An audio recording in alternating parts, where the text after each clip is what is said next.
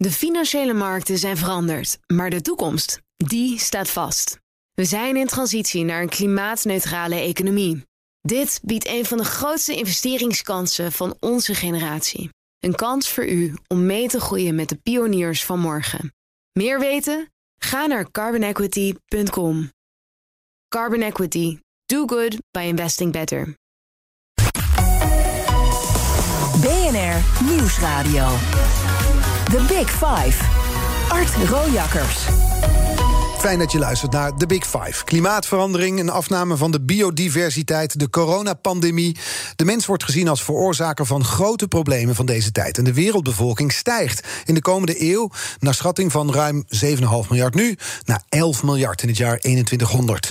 Zijn we inderdaad met te veel of valt het allemaal wel mee? In BNR's Big Five praten we over de vraagstukken en taboes rondom overbevolking. En dat doe ik vandaag met Wim de Vries, hoogleraar Milieusysteemanalyse aan de Wageningen Universiteit. Goedemorgen. Goedemorgen. We beginnen hier met stellingen. Mag u met eens of oneens op antwoorden? Later kunt u uh, nuanceren. Onze wereld kan een maximum van 30 miljard mensen aan. Eens. Kijk, 30 miljard, eens. De overheid heeft het stikstofprobleem volledig verkeerd aangepakt. Eens. Ja, en het is onvermijdelijk dat we de EV-stapel moeten inperken.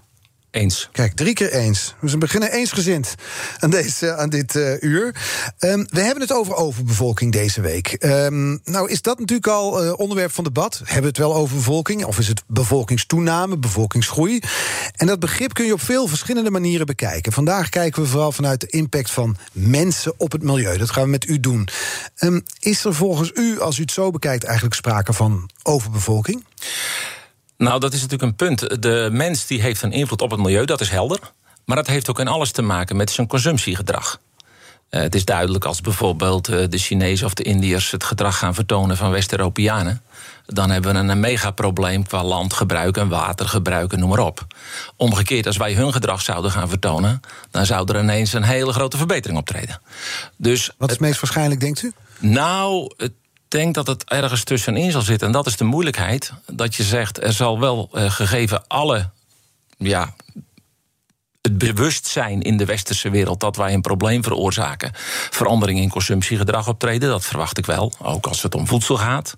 Omgekeerd, ja, als Indiërs en Chinezen rijker worden, zie je toch vaak dat dat met een wat meer vleesconsumptie gepaard gaat. Mm -hmm. Dus het is vraag hoe de balans uit gaat vallen. Ja, en dat heeft dus allemaal te maken met die, die bevolkingsgroei. Daar gaan we zeker op terugkomen. Maar eerst even uw visitekaartje afwerken. Hoogleraar Milieusysteemanalyse, wat houdt het eigenlijk in? Ja, dat is een moeilijk begrip. Uh, dat houdt eigenlijk in dat je nadenkt over... wat zijn de gevolgen van inderdaad toename van de menselijke bevolking en hun consumptiegedrag. Dat noem je dan drivers. Hè. Wat voor gevolg heeft dat voor de uitstoot van stoffen? Voor de belasting van het land. En wat voor impacts heeft dat dan? Wat voor effecten heeft dat? En hoe kun je met allerlei maatregelen ingrijpen vanuit de politiek, proberen dat te beperken? Dus het is een soort oorzaak-effect-keten.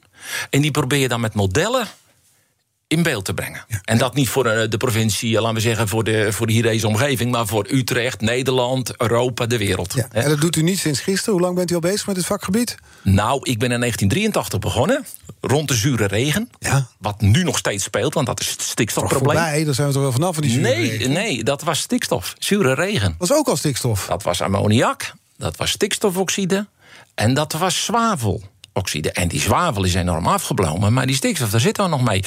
Ja, sterker nog, we zitten midden in een stikstofcrisis. Daar focust u zich dus ook op vanuit uw werk. Laten we dat meteen bespreken. Want volgens mij is het een interessant voorbeeld van de gevolgen van bevolkingsgroei. We hebben die, die crisis. Hoe is het eigenlijk zover gekomen dat de natuur in ons land zoveel last heeft van, van stikstof? Nou, kijk, het was inderdaad, laten we met die zure regen beginnen.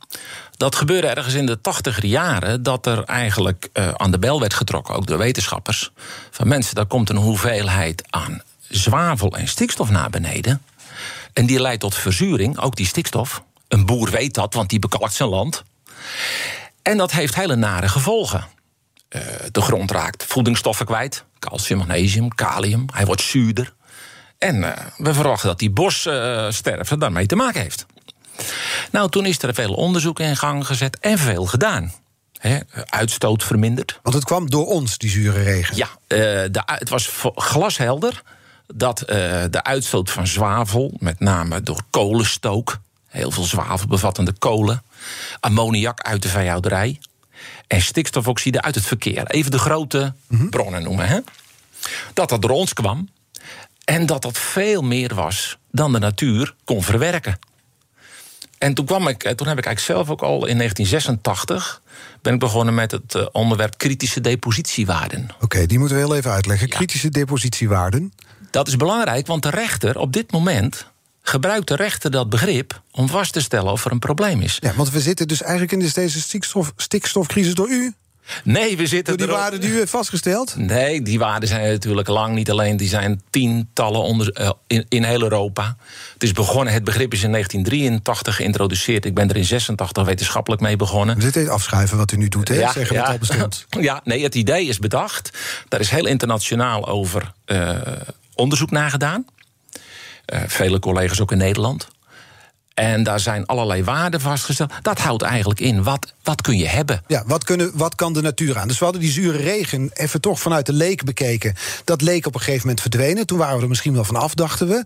En nu komt het dus terug in de vorm van een stikstofcrisis. Maar u zegt dat is eigenlijk hetzelfde probleem. Ja, en de, het beleid wist wel degelijk dat we niet vanaf waren. Dat is misschien het, het begrip van de gemiddelde burger. Maar het was inderdaad zo dat die zwaveluitstoot... die is met 90% teruggedrongen. Dat is natuurlijk gigantisch. Was ook niet het moeilijkste. Die zwavelrijke kolen die haalde je eruit. En, nou, technisch redelijk oplosbaar. Die stikstofoxide uit het verkeer, nou, de auto's werden wel voortdurend schoner. Dus je ziet eigenlijk sinds 1980 elk jaar een klein beetje, zo 2%, 1% zie je het zakken. Maar ja, er kwamen ook steeds meer auto's bij. Ja, maar toch, in, ondanks dat is de uitstoot. Er is wel degelijk. De totale uitstoot werd wel. Ja, zeker. Als je het ten opzichte van 1980 vergelijkt, zitten wij, denk ik, zo'n 45, 50 procent lager in Nederland met de uitstoot. En dat geldt haast voor heel Europa. Best indrukwekkend, zou je kunnen zeggen. Dat is indrukwekkend. Dat hebben we goed opgelost. Dat, jou, ja, dat is natuurlijk het lastige. Nou, die ammoniak er nog even bovenop, hè, de, boeren, de boeren. Die zeggen, wij hebben ook heel veel gedaan. Nou ja, daar zit de grote klapper, zoals je het zou kunnen zeggen, ergens tussen 1990 en 2005. In die periode. Toen uh, mocht je niet meer bovengronds uitrijden. Dus je zag boeren hè, die met zo'n kar. Dus zwingelen, zwingelen, zwingelen. Dat is afgelopen. Hè, je moet het inbrengen in de mhm. grond. Dat leidde tot enorme afnames in die uitstoot. Je moest je mest, op, uh, je, moest je mest moest je afdekken. Stallen werden verbeterd. Uh, al die aanwendingstechnieken. Kortom, die boze boeren die protesteerden, die hebben zeker een punt als ze zeggen: we hebben al heel veel gedaan om die stikstofuitstoot te verminderen. Ze hebben zeker wel in die zin een punt dat er. Uh, maar dan praten we dus ergens tussen 1990 en 2005 met name, 15 jaar geleden. Toen is er veel gebeurd. ook wel door verplichtingen. Je mocht het gewoon niet meer doen. En als u dan zegt, toch, ik kom even terug op een van de stellingen. Want de overheid heeft het stikstofprobleem volledig verkeerd aangepakt. Dit klinkt eigenlijk als best goed nieuws, zoals u tot nu toe schetst. Daarom vind ik dat ook, dat voor allemaal vereist nuances. Nou, kom maar op met die nuance dan. nou, kijk, wel degelijk is natuurlijk het mestprobleem gezien als een groot probleem. Niet alleen voor de lucht. Mijn leerstoel is eigenlijk ingewikkeld hoor, integrale stikstofeffecten. Het gaat niet alleen om ammoniak naar de lucht. Er gaat ook nitraat naar het grondwater. Dat is niet zo grappig. En daarom hebben we een nitraatrichtlijn. Er gaat lachgas, dat is ook een stikstofverbinding naar de lucht. Dat is een broeikasgas. Er gaat stikstof naar het oppervlaktewater. Daarom hebben we de kaderrichtlijn water. Dus er zijn allerlei problemen. Toevallig staat die ammoniak nu erg centraal. Maar de overheid en de boer weten allemaal dat het om vier dingen gaat. En daar hebben we allemaal wetten voor. Alleen, en nu komt het punt. Het was wel zo. We zaten veel te hoog in de 80 jaren. Ik gebruik wel eens de metafoor van te veel eten. Mm Zeg nou eens, je mag 2500 kilocalorieën eten en je eet 6000. En in het begin heb je geen last van je gezondheid, gaat best wel. En op een gegeven moment dan begint dat een beetje. Hè? En dan ga je zeggen, moet wat gebeuren? Ik ga minder eten. Niet, niet lijnen, minder te veel eten. Je eet 5000 kilocalorieën in plaats van 6. Je valt niet af. Je valt niet af en, en je wordt er zelfs nog erger. In plaats dat je opknapt, word je nog erger ziek. En dat is zoals we ook het stikstofprobleem moeten zien. Dus we zijn wel gaan minderen, maar we zitten nog steeds te hoog. Exact. En heeft dat te maken met, want daarom bespreken we dit nu, dit punt, heeft dat te maken met de bevolkingsgroei, met het aantal mensen waarmee we zijn?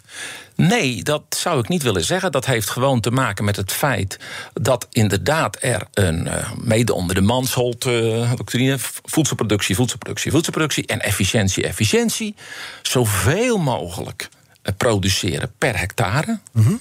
Met enorme toevoeren van stikstof uit het buitenland. En dan eigenlijk een aantal dieren per hectare houden, wat feitelijk niet draagbaar is voor het milieu. En dan, en dan kun je zeggen, ja, uh, dat had in die zin niet nodig geweest. Want je had ook met iets minder pieren per hectare uitgekund. En dan had je echt niet een, uh, een voedselprobleem gehad of zo. Wij, wij voelden de wereldbevolking niet, om het zo maar te zeggen. Dus dat heeft eigenlijk weinig of niets te maken met het feit dat wij met 17 of 10 miljoen mensen hier zouden zitten. Het heeft ook niet te maken met het feit dat de wereldbevolking zo groeit en is gegroeid. Dat er nu eenmaal meer monden te voeden zijn. Dus dat er daarom meer geproduceerd moet worden per hectare. Dat is wel natuurlijk waar. Je zou ook zeggen, er moet uh, in die zin meer geproduceerd worden. Alleen, uh, dan moet je tegelijkertijd zeggen dat de, dat de consumptiepatroon van de westerse bevolking van die aard is dat uh, het probleem obesitas, over, overgewicht, mm -hmm. momenteel net zo'n groot probleem wordt gezien als honger. Ongeveer een kleine miljard mensen, of 800 miljoen met obesitas, en een kleine miljard waar gebrek aan voedsel is. Dus we hebben op een gegeven moment ook zitten produceren voor overgewicht ten dele. Hè?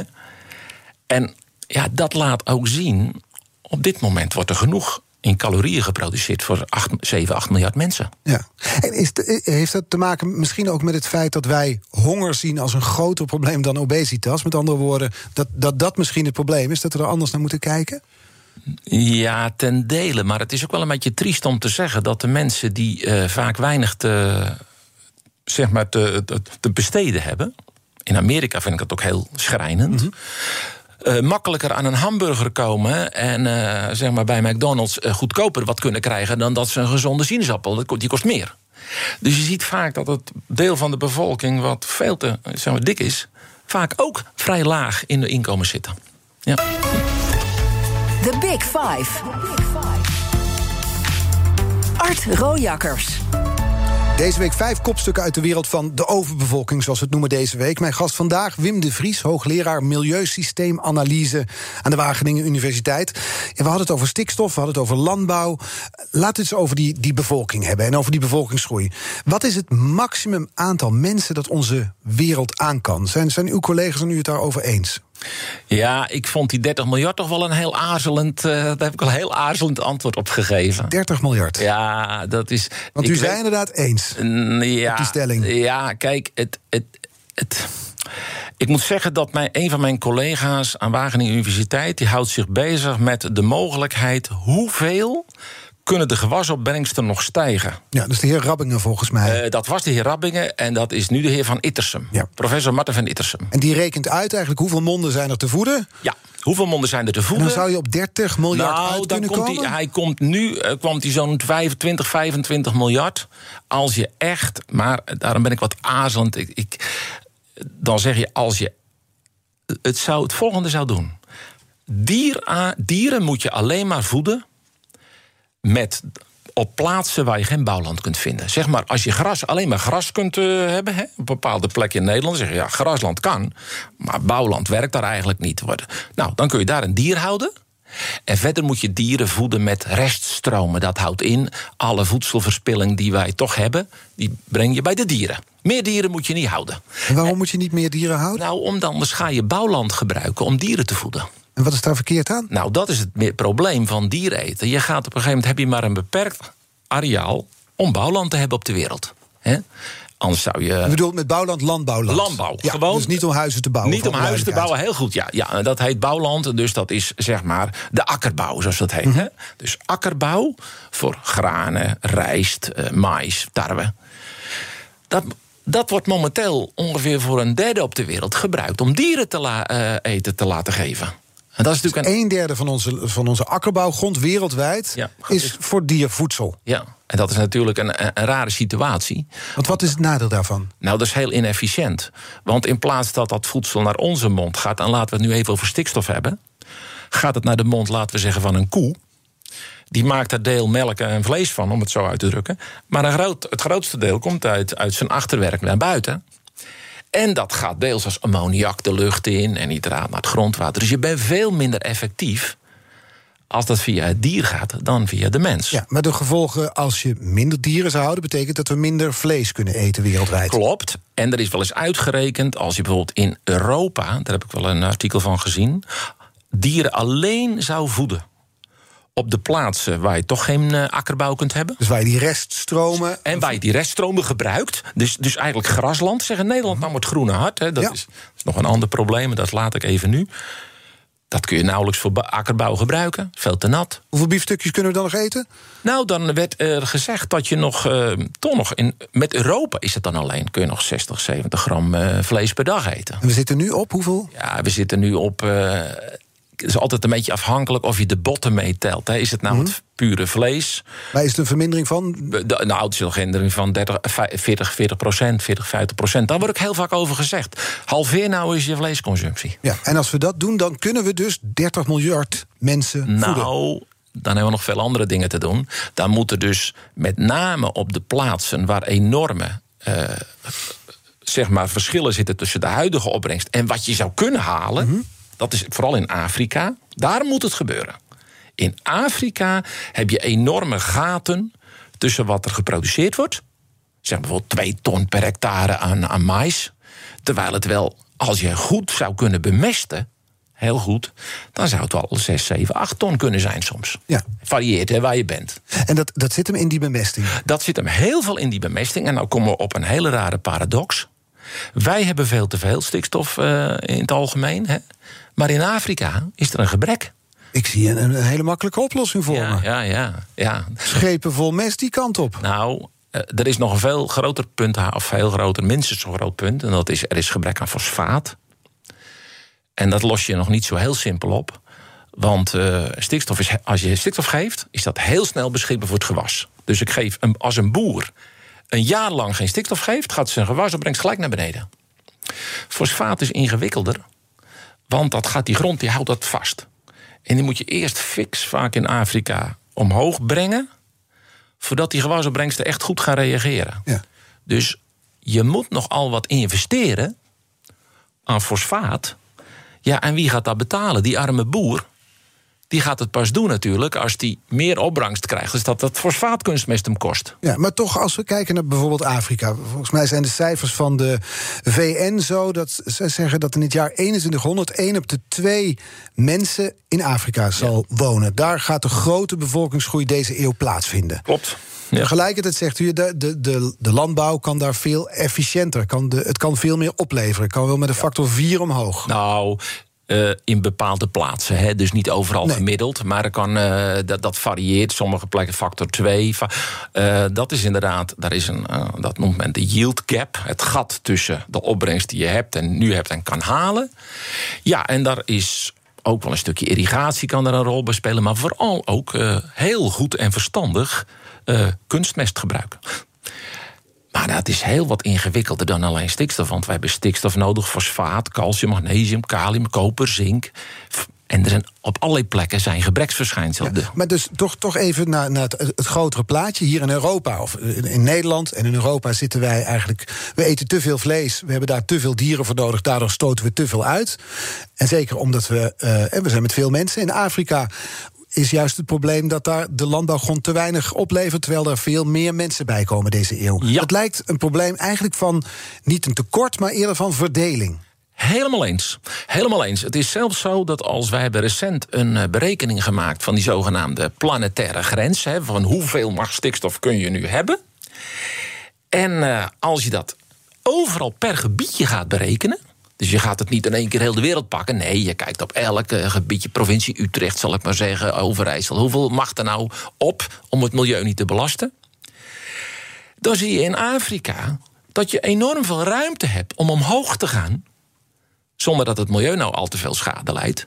Terwijl de opbrengst gaat stijgen. Dus het is in grote mate ook een verdelingsvraagstuk. Maar dat verdelen kan dus niet. Want we kunnen niet, zoals ik heel simpel zei, schepen met mest die kant op sturen. Nou ja, helaas wordt deze wereld geregeerd door geld en economie.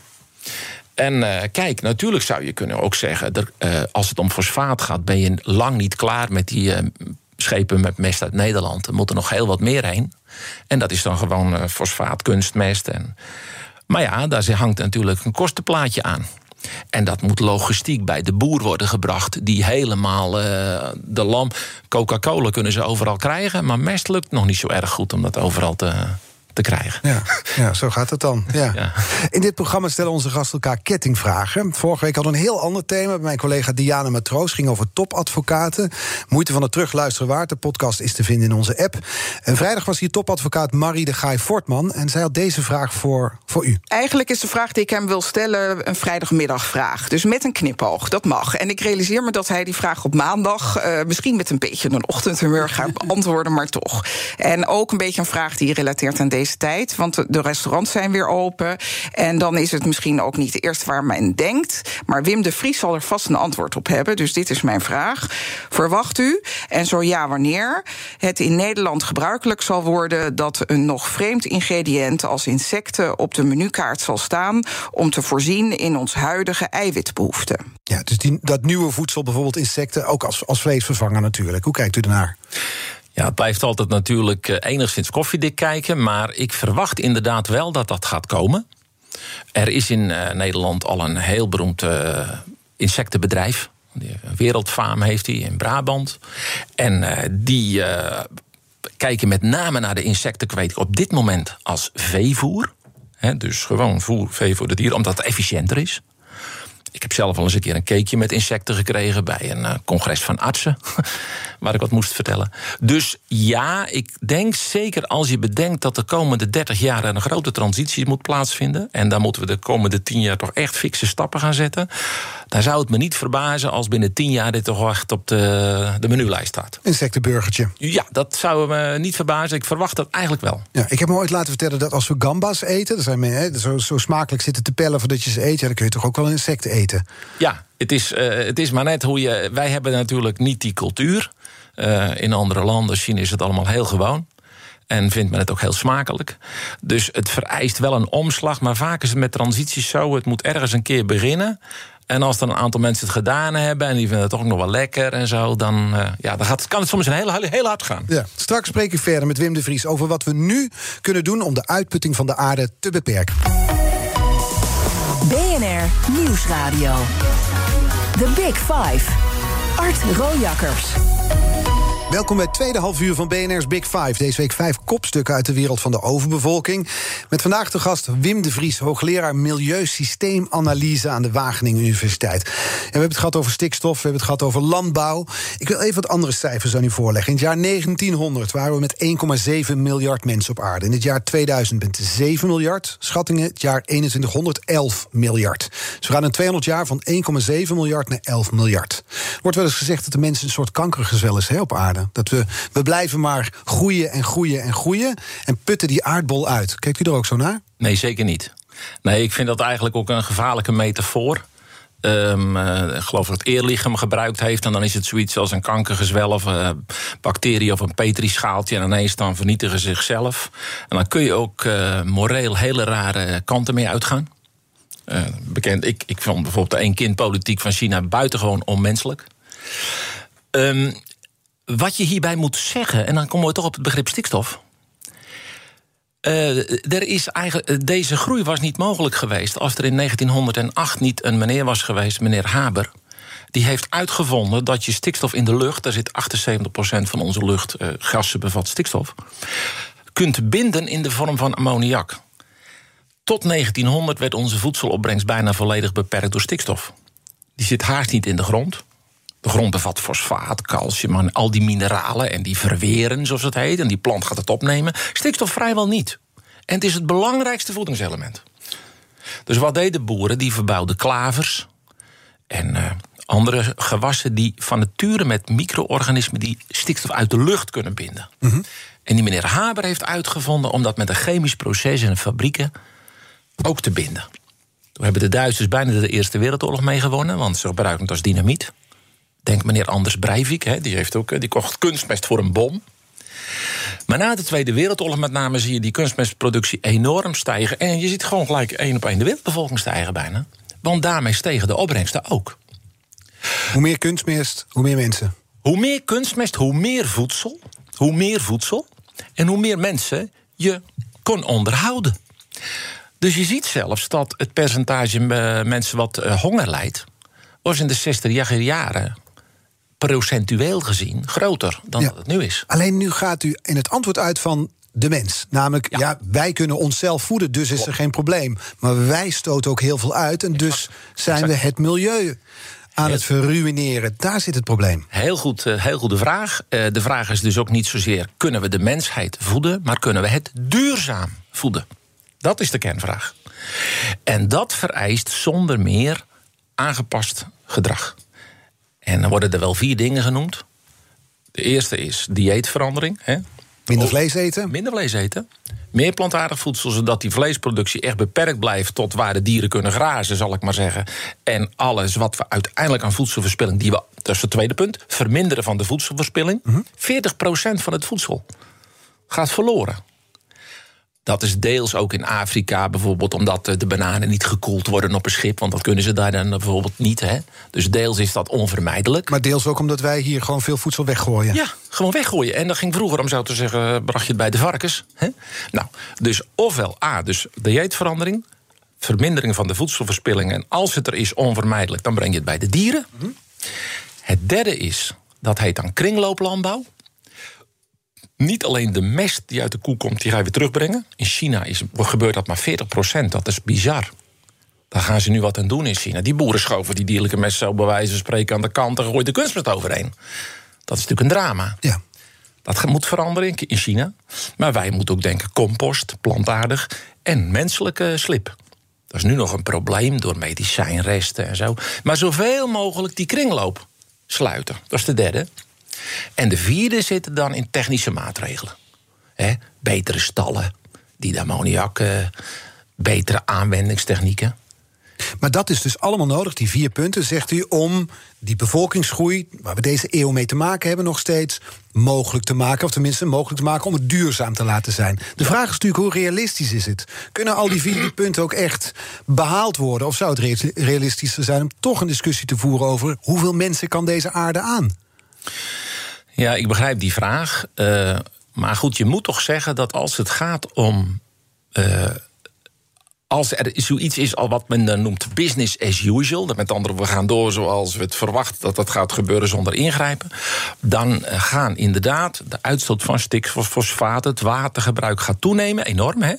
Daarvan schat men dik twee derde aan consumptiegedrag van de mensen mensen worden rijker in India en gaan dus meer. Hè.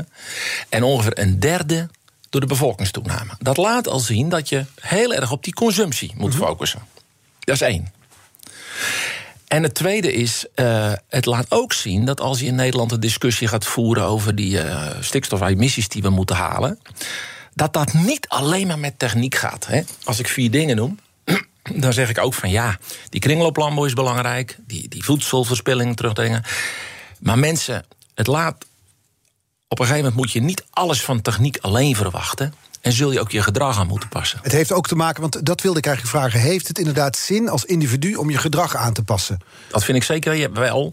Zo moet je natuurlijk nooit redeneren in de zin van. Uh, dat gebeurt wel eens, hè. Ja, als ik mijn plastic niet scheid en het gewoon maar uh, bij de alles gooi... ja, dan ben ik een van de 7,5 miljard uh, inwoners. Dus wat maakt het uit? Precies. Maar je hebt uiteraard een voorbeeldgedrag en alle beetjes helpen. En uiteraard moet dat gedrag door elk individu zo worden uh, uitgevoerd. Bent u bijvoorbeeld minder vlees gaan eten de afgelopen jaren? Ja, vond ik wel moeilijk, want ik vind het gewoon lekker. en uh, ik denk ook niet dat uh, volledig vegetarisch is, even vanuit het landgebruik, minder goed dan dat we toch die dieren houden op de plekken waar ze anders toch geen bouwland kunnen hebben, geen akkerbouw. Want dan moet je waar die dieren kunnen zich grazen zonder probleem, moet je dan extra plantaardig voedsel gaan Hoeveel bent u gaan minderen? Nou, ongeveer, ik denk zo'n 30, 40 procent. Ja. Dus inderdaad, proberen halveren. Ja, als je vlees lekker vindt, dan is dat best een puntje. Maar. ehm, En wanneer kwam dat inzicht bij u? nou, toch met name toen ik hoogleraar werd. Ik had tot 2010 had ik mij vooral bezig gehouden met Nederland en Europa. Mijn proefschrift ging over verzuring, modellen voor Nederland en Europa. En pas in 2010 heb ik eigenlijk het wereld, eh, de wereldschaal ook Er meer. bleek nog iets te zijn buiten Nederland. En buiten Europa. Buiten Europa. En buiten Europa. En dan gaan je ogen eigenlijk open voor het, voor het totaalplaatje. En ook voor de realiteit van, ja, bui- bui- naast de wereld, hè, dan gaat het om voedsel. Is er dus eh, niets, hè? En, En dan dat- krijg- toen kwam dat inzicht. ja, er komt toch meer inzicht van. Ook het inzicht. Je gaat breder lezen wat collega's doen. Ja. Ook het inzicht van ja, natuurlijk moet Europa een deel van de bevolking voeden als het daar niet lukt. En via export.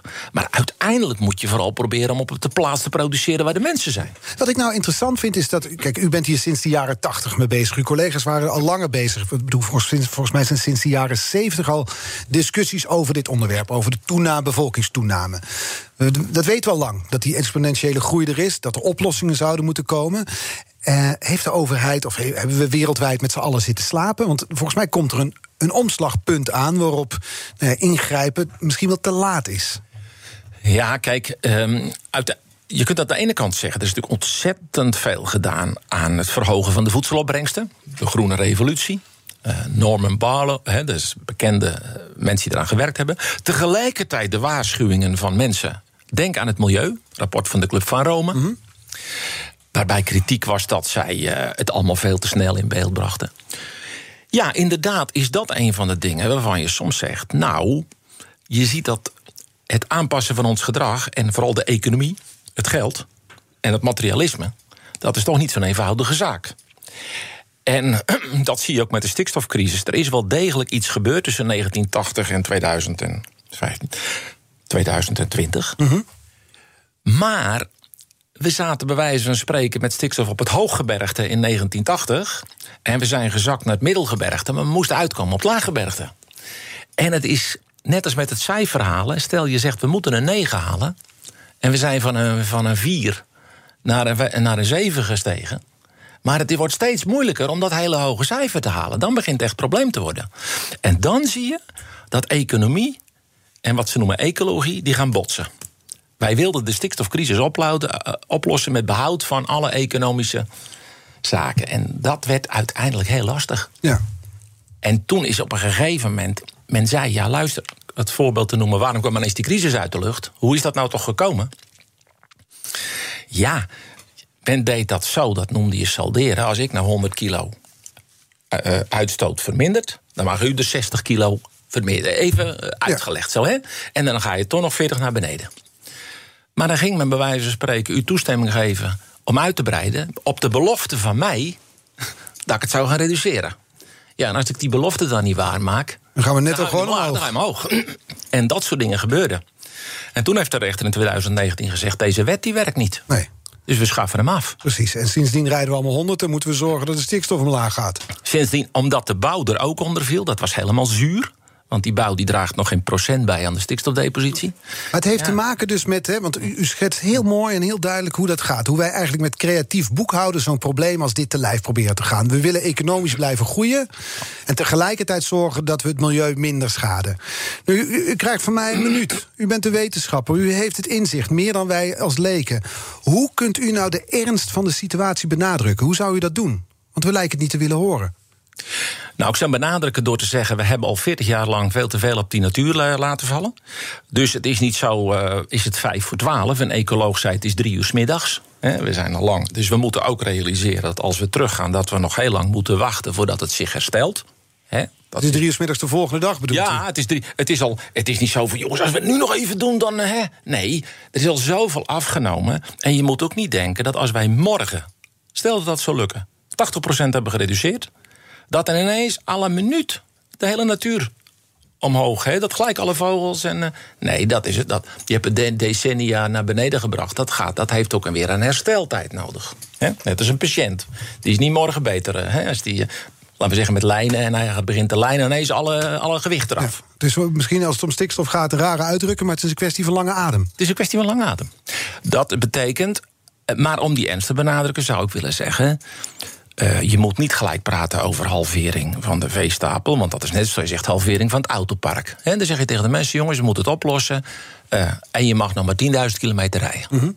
Dan verwacht iedereen ook: kunnen we geen zuinigere auto's krijgen? Lukt dat dan ook niet? Zo mag je van een boer, bij de boer zeggen: kunnen we dan niet de aanwendingsmethode verbeteren? Een koeientoilet enzovoort. Alleen, ik zou wel zeggen: verwacht het niet alleen van technologie. En breng de boeren dan weer een richting uit waarin je die kant uitgaat. Ook omdat het niet alleen ammoniak is, maar ook lachgas en nitraat. En als je je stikstof hier binnenkomt, zal ik maar zeggen, en je zet je vinger op één gaatje, en je blijft dezelfde hoeveelheid aanvoeren, ja, dan komt hij uit het andere gaatje. Ja, dus met andere woorden, het zit niet alleen in de techniek, het zit ook in ons gedrag, wat u al, wat u al ja, zei. waarbij ik dan zou zeggen, je zou boeren een, een eh, perspectief moeten schetsen. Daar hebben we ook wel een artikel over geschreven, zonering, waarbij je een deel van de boeren zouden duurzaam intensief kunnen blijven. dat vereist investeringen. Mhm. En een deel van de boeren moet je een perspectief geven dat ze de kost kunnen verdienen. Goed, met minder dieren en behoud van landschap en water- en luchtkwaliteit. Okay. Straks meer hierover horen we meer van Wim de Vries, hoogleraar Milieusysteemanalyse. BNR Nieuwsradio. Nieuwsradio. The Big Five. Je luistert naar BNR's Big Five van de overbevolking. Daar hebben we het over deze week. Met vandaag de gast Wim de Vries, hoogleraar Milieusysteemanalyse aan de Wageningen Universiteit. We hadden het over de veestapel. U zei niet zomaar roepen dat we die moeten halveren. En dat is hetzelfde als dat je zegt we gaan het autopark halveren.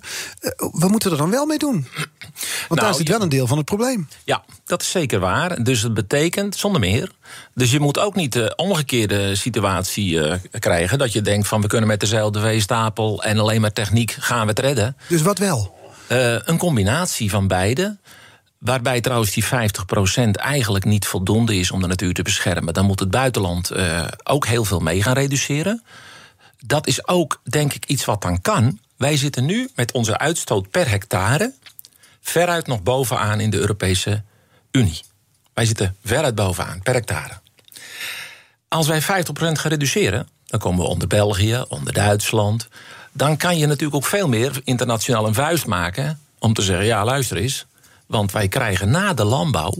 De schatting is dat de landbouw zo'n 42% van de depositie in Nederland veroorzaakt. Want een deel gaat naar buitenland, exporteren veel meer.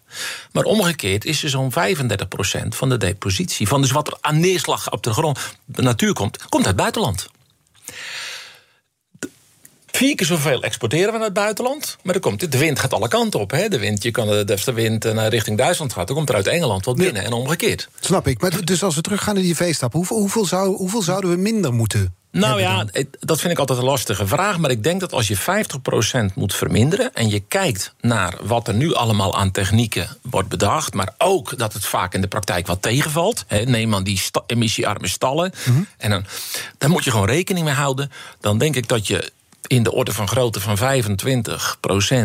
30% misschien met techniek kan halen. maar dan moet je aan de andere deel toch gaan denken aan eh, vermindering van de veestapel. Maar dan, dat is meer dan 50% dus. Nee, 50 verdeel ik nu even over 25, 25. Ah, Oké, ja, ja. En, dan, en dan, is het, dan ben je er waarschijnlijk dus nog niet uh, om dus overal die kritische waarden te halen. Um, maar goed, dan heb je al een hele grote verbetering ingezet. Mm -hmm.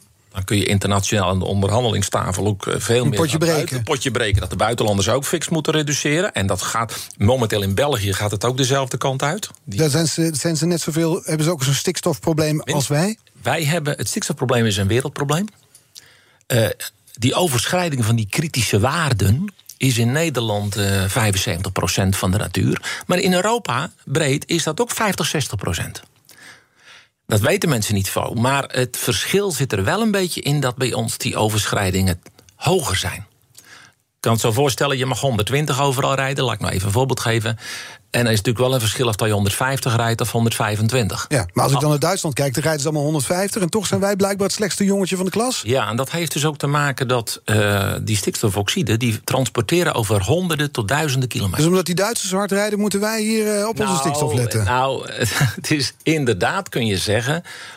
Uh, als je over de bijdrage van alle bronnen gaat kijken... dan draagt het verkeer in Nederland ongeveer 6% bij aan de neerslag op de natuurterreinen. Omdat we heel veel naar het buitenland transporteren. Onze stikstofoxide komen in Noorwegen terecht. Maar, toch, maar komt ook stikstofoxide uit Duitsland ja, hier exact. terecht? Dat is het probleem. Waarom? Want die 35... En, uit Duitsland, en niet alleen uit Duitsland, tot, tot Oostenrijk, dat noem maar toe. En het is al die kleine beetjes bij elkaar die het hem doen. En daarom, en nou komt het interessante verhaal... die stikstofoxiden die zijn 50% afgenomen de afgelopen 40 jaar... niet alleen in Nederland, maar in heel Europa. Waar weinig aan gedaan is in Europa, is ammoniak. Wij zijn, daar kun je zeggen, wij hebben er het meest aan gedaan. Ja. Alleen we zaten ook ver uit het hoogst. Ja. Maar, maar toch heel even terug naar die stikstof. Want we, we doen nu net alsof ze bij de grens een paspoort laten zien, zo'n stikstof. Eh, van, Hier kom ik. Maar dit zou je toch Europees gezien moeten regelen dan? Dat is ook zo. Het is een Europees probleem. Dat is een Europees probleem. En die, de, elk land heeft dan ook een stikstofplafond. Dat heet een nationaal National Emission Ceiling. Dus een nationaal emissieplafond. Alleen dat is uitonderhandeld. En dat is eigenlijk te hoog om die natuur te beschermen. Verder heeft elk land te maken met de vogel- en habitatrichtlijn. Dat is waar eh, hier in Nederland ook, ik zeggen, meneer Vollenbroek naar verwijst. Wij moeten ons aan die vogel- en habitatrichtlijn houden. Dat betekent De vogel- en habitatrichtlijn. richtlijn, dat houdt in een natuurgebied die onder een zogenaamd Natura 2000 Ja. gebied valt. eh, zegt de Blauwe Kamer in bij, bij, bij de Grebbeberg. Die moet je beschermen, die natuur die moet beschermd worden. Ook van wat ze noemen werkingen van buitenaf. Ja, helder. Dus zo moet je die natuur beschermen. Moeten het buitenlanders ook doen? Mhm. En als ook daar mensen, en dat gebeurt dus nu in Be- België, Ja. eh, zijn rechtszaken aangespannen en komt men eigenlijk tot dezelfde dingen als in Nederland. Ja, dus dat, daar bewegen ze inderdaad eh, eh, min of meer onze kant op. Ik, ik wil even met u naar de gast van morgen, want dat is Ralf Bodelier.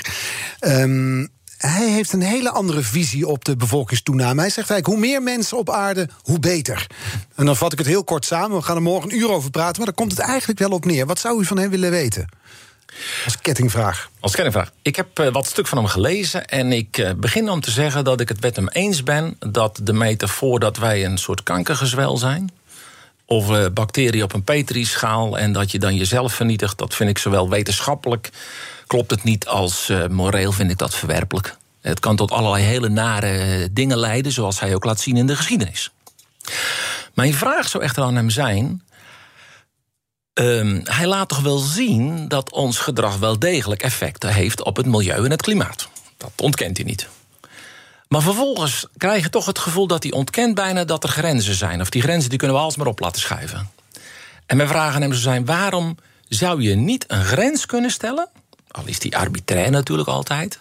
Waarin je zegt, nou, zover kunnen we nog toelaten dat er uitstoot is naar het milieu. Maar dan houdt het ook ergens een keer op. Hè? Dan moet je wat is zijn gedachte erachter om dat soort grenzen te ontkennen? Welke filosofie heeft dat? Want als je dat ontkent, ja, dan is er ook geen reden om je gedrag aan te passen en om iets te doen. Ik ga het hem eh, morgen voorleggen. Dus morgen te gast Ralf Bodelier. Want u zegt wel, ja, die grens is er natuurlijk. Ik geef direct toe dat dat, daar kun je altijd over praten, een arbitraire grens is. Als je zegt er mag maar zoveel stikstof nitraat, heet dat dan in het, in het drinkwater zitten. Dat is dan 50 milligram per liter. Ja, er zijn landen die mag het 60 zijn en 40. Hè. Dus net als eh, hoe hard mag je rijden? Dus het 120. Ergens bij het verkeersongelukken wat toeneemt, zeg je ergens hier is de grens voor het verkeer. Dus dat is wel iets arbitrairs, maar zeker zijn er grenzen waarboven je weet dat de volksgezondheid afneemt, de biodiversiteit Ja. afneemt enzovoort. Ja. Ja. Als we nou kijken naar eh, stikstof. Als we dat vergelijken, naar 30 jaar vooruit kijken en 30 jaar terug, toen u begon. Ja. Ziet de wereld er over 30 jaar beter uit of minder goed op dit vlak? Dat is een lastige vraag om die te Daarom stel stellen. ik hem als laatste. En u heeft nog 10 seconden om te beantwoorden. Als we werkelijk zouden doen wat ik gezegd heb, eh, dieetverandering en noem al die dingen maar op, dan zou het beter zijn. En als we dat niet doen, dan wordt het minder. Nou, dat is een eh, mooie waarschuwing om mee te eindigen. Dank Wim de Vries, hoogleraar Milieusysteemanalyse. Nog even snel zeggen dat de afleveringen van BNR's Big Five terug te vinden zijn in de app, de BNR-app als podcast en ook op bnr.nl. En dat nu Ivan Verrips op deze horen is met BNR Breekt. De financiële markten zijn veranderd, maar de toekomst, die staat vast. We zijn in transitie naar een klimaatneutrale economie. Dit biedt een van de grootste investeringskansen van onze generatie. Een kans voor u om mee te groeien met de pioniers van morgen. Meer weten? Ga naar carbonequity.com. Carbon Equity. Do good by investing better.